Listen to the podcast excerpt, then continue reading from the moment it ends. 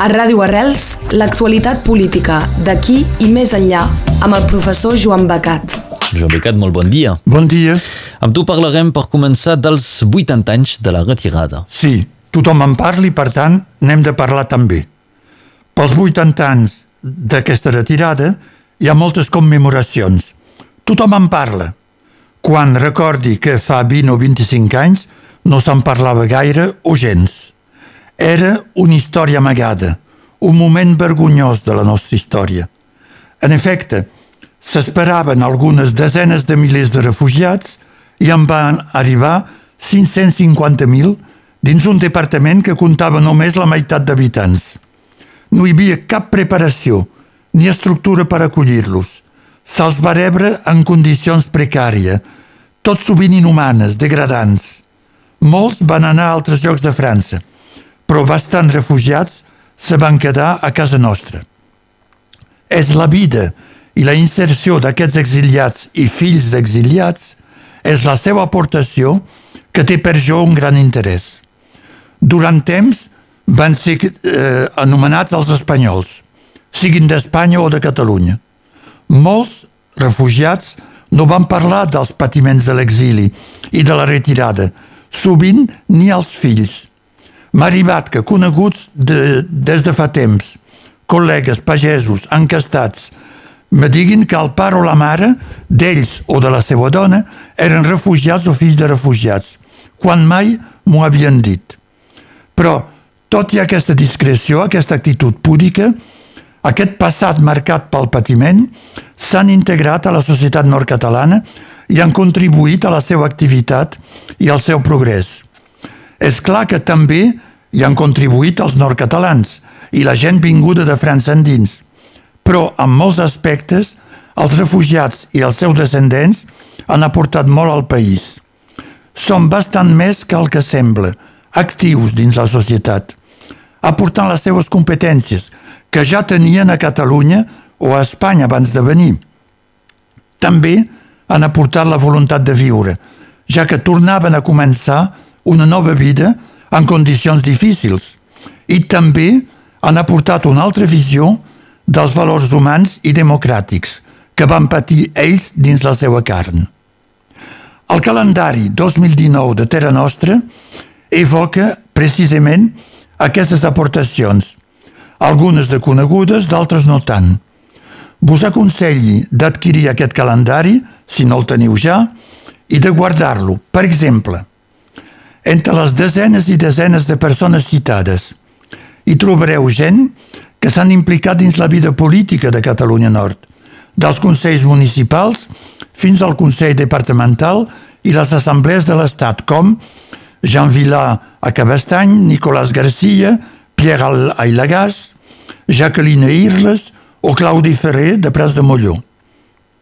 En l'economia hi ha Modest Sabater, el suro taper, com diuen a l'Empordà, és a dir, que es cuida dels taps de, de ciure, els guasc, guaix, com diuen també, de la indústria càrnica i del rubi, pels artistes i el món cultural hi ha Pere Verdaguer, Josefina Matamoros, el propi Ramon Gual, Pere Manzanares, Narcís Duran, Sergi Barba, Patrick Gifreu, Maria Dolors Omsolà, Carles Serat, Calí i molts altres. Sobre aquest tema, la Casa de la Generalitat de Perpinyà i la revista Terra Nostra organitzaven la setmana passada una taula rodona sobre el llegat de la retirada a la vida política de Catalunya Nord. Els ponents eren Nicolás Garcia, l'exbatlle d'Elna i vicepresident del Consell Departamental, Claudi Ferrer, el batlle de Pras de Molló, i Pierre Ailagàs, l'exbatlle d'Argelès i diputat. Tots fills de refugiats i implicats al servei del país i de la seva gent. Moderava Ramon Gual. Amb una gran sinceritat i emoció ens han explicat els records dels pares, les normes de vida i de pensament que els hi van inculcar. Van viure tres trajectòries, tres testimoniatges, tres implicacions i per tots ells el rebuig de les injustícies i actualment la defensa dels presos polítics catalans. Un gran moment, autèntic i us asseguro molt emocionant. Hem fet referència a l'actualitat dels presos i del judici, en parlem ara també perquè han de declarar més guàrdies civils. Sí, i, i encara més que vindran, perquè n'han passat una desena i n'han de passar, aguanteu-vos, 50. Aquesta setmana hem tingut més testimoniatges de guàrdies civils i policies citats per l'acusació. La voluntat de l'acusació d'acumular proves de violència per justificar la rebel·lió és tal que arriba a extrems que són més que ridículs. Són indecents. En efecte, els, els guàrdies civils continua plorant a la vara. Un diu que tenia terror dins l'hotel de la Seu d'Urgell on eren allotjats perquè hi havia al carrer una cassolada. Vol dir que picar sobre cassola espanta els guàrdies civils. I això és terrorisme. Un altre s'ha sentit ferit perquè li deien cara dura i forces d'ocupació. Vull dir, que vagin a les armilles grogues i sentiran el que es diu. Volen donar garrotades i a més que la gent se'ls estimi. Com ho he dit ja, som molt massa sensibles per la feina que se'ls demana. Un altre exemple, autèntic. Durant una escorcolla a Sabadell, on gent se va reagrupar davant del carrer per manifestar, un policia va gosar explicar que, com que la gent estava assegut a terra, se va entrebancar, va caure i se va torçar un dit, i per això va anar a l'hospital. El fiscal Saragossa, molt seriós i dolgut, li demana hi ha hagut altres actes de violència? Caure i torcir-se el dit ell mateix és un acte de violència de la gent és autèntic. La vida d'un policia a l'Espanya és molt perillosa, segons diuen, doncs, i sense pietat, car s'hi juguen quotidianament la vida i els dits. La gent hi és molt, molt violenta a Espanya. Seu a terra i fa travetes. Aquests perills inèdits i aquesta violència són més que, que el que passa a França, on els policies només han d'afrontar les armilles grogues i els blacks blocs, que són dolços com xais. A costat d'això, només s'esbatussen amb la policia, només cremen cotxe i trenquen comerços. Això no res, a costat de les ferides i traumatismes de la policia a Espanya que s'hi juguen els dits. Quan se senten aquestes ridícules declaracions i que se pensa que sobre aquests testimoniatges ridículs se pot condemnar els acusats a 25 o 30 anys de presó, no sembla que vivim en la realitat. Després, se critica a Espanya els observadors internacionals i els senadors francesos, que diuen que la gent era pacífica i que s'han vulnerat drets humans. Quin país sense dret i desvergonyit és Espanya? Una altra escena significativa. L'observador que demostra la, la, la imparcialitat del tribunal, entre cometes imparcialitat. L'observador internacional Bernard von Grunberg, un exdiputat alemany, va testimoniar de l'actitud pacífica de la gent l'1 d'octubre, de la seva determinació a votar i de la seva paciència esperant durant hores. Va testimoniar del fet que no se van deixar impressionar per l'amenaça de les intervencions de la policia i el vol dels helicòpters que giraven a sobre. També va afirmar no vaig veure cap policia ferit, però sí que puc dir que vaig veure ciutadans ferits. La fiscal, l'acusadora, se va posar nerviosa i el va agredir verbalment. Li va dir s'ha preocupat de problemes similars al seu país, per exemple a Baviera?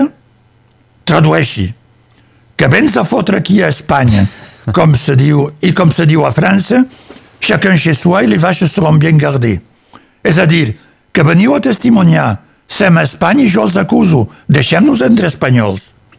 El president Marchena la talla i li diu que posarà el que vol en el seu informe final, però que no ho digui. I ella li contesta, sí, vull desqualificar-lo. És a dir, que ja saben els bons i els dolents i el veredicte. I per tant, suposo que aquesta setmana continuarà de la mateixa manera. I tot això fa que eh, sovint doncs, eh, a nivell internacional es qüestiona eh, aquest judici i des del govern espanyol s'han de justificar. Sí, és el que fa el nostre inefable i estimat ministre Josep Borrell. Estimat perquè en fa de tan grosses que és un ple de parlar d'ell. Actualment és en funcions. Acabarà el seu fulgurant i abracadambrantès càrrec fent més disbarat, ara per ara. Dic ara per ara perquè en el mes que li queda segur que en pot fer algunes de grosses encara. Ha criticat, per exemple, la carta dels 41 senadors francesos a favor dels respectes dels drets humans a Catalunya i del diàleg polític, dient que eren intoxicats per les tesis independentistes. No és veritat, perquè ells no en parlen d'independència, només parlen de drets humans i de democràcia. Diu que són mal informats. És a dir, que és ell, el rei de la desinformació, i de la reinterpretació de la història, com hem vist, Josep Borrell, que acusa els altres de ser desinformats. És sorprenent, no? Segur que ell pot jutjar de la desinformació, perquè n'és un especialista. A l'enregistrament a la televisió alemanya Deutsche Welle, a una pregunta del periodista sobre la reforma de la Constitució, Josep Borrell se va enfadar molt, dient «Prou, Vostè diu mentida tota l'estona. Atureu aquest enregistrament. S'ha acabat. Jo no vull fer l'entrevista. I va marxar. Per tornar un moment després. I tot va passar a la televisió, fins i tot el seu escàndol. Ja a Espanya no tenia gaire simpaties en l'opinió d'Alemanya. Al moment s'ha vist el moment del judici i de la detenció de Carles Puigdemont, on la gent se va posar a favor seu, on la premsa i el, també es recorden a Alemanya que la premsa, els polítics del Partit Popular, amenaçaven en aquest moment i criticaven fort el Tribunal de Schleswig-Holstein. Doncs, en lloc de posar pau, Josep Borrell tira més llenya al foc. El trobarem a faltar, sincerament, quan no hi serà més. I per acabar hi hem fet referència en aquests 41 senadors que han, eh, han demanat que es respectin els drets fonamentals de l'estat mm. espanyol. Eh, aquesta carta dels senadors és dirigida al president Macron, al govern i a la Unió Europea. Ha estat una autèntica bomba que continua aixecant polseguer i reaccions. Va ser iniciada pel nostre senador François Calvet i cinc altres senadors que van demanar firmes als seus col·legues. És una carta pel respecte de la llibertat i dels drets fonamentals a Catalunya. Denuncien la repressió dels representants legítims del govern i demanen que França i la Unió Europea intervinguin perquè s'estableixi un diàleg. Critiquen també que la situació no sigui presa en compte a França. Diuen, com a europeus i francesos, estem preocupats pels greus esdeveniments que s'han produït a Catalunya – Diuen que cal respectar els drets i llibertats i que cal solucions polítiques a un problema polític. Tenen tota la raó. En cap moment hi ha una presa de posició o una al·lusió a la independència de Catalunya. És una crisi al respecte dels drets democràtics. Els firmants són 16 comunistes, 13 socialistes, 4 de la República en marxa, 4 republicans, dos centristes i dos del reagrupament democràtic, és a dir, els radicals i els no inscrits, és a dir, tots els grups polítics del Senat. Vull subratllar el paper de François Calvet i el vull felicitar públicament. Ha jugat plenament el seu rol de senador en representació del nostre departament i dels batlles, consellers municipals i altres elegits que el van triar. Com sabeu, el Senat representa els territoris i els diputats als ciutadans. A Catalunya Nord, una majoria de batlles s'han manifestat a favor del respecte dels drets humans i per l'alliberament dels presos polítics a Espanya, sense que això vulgui dir una presa de posició.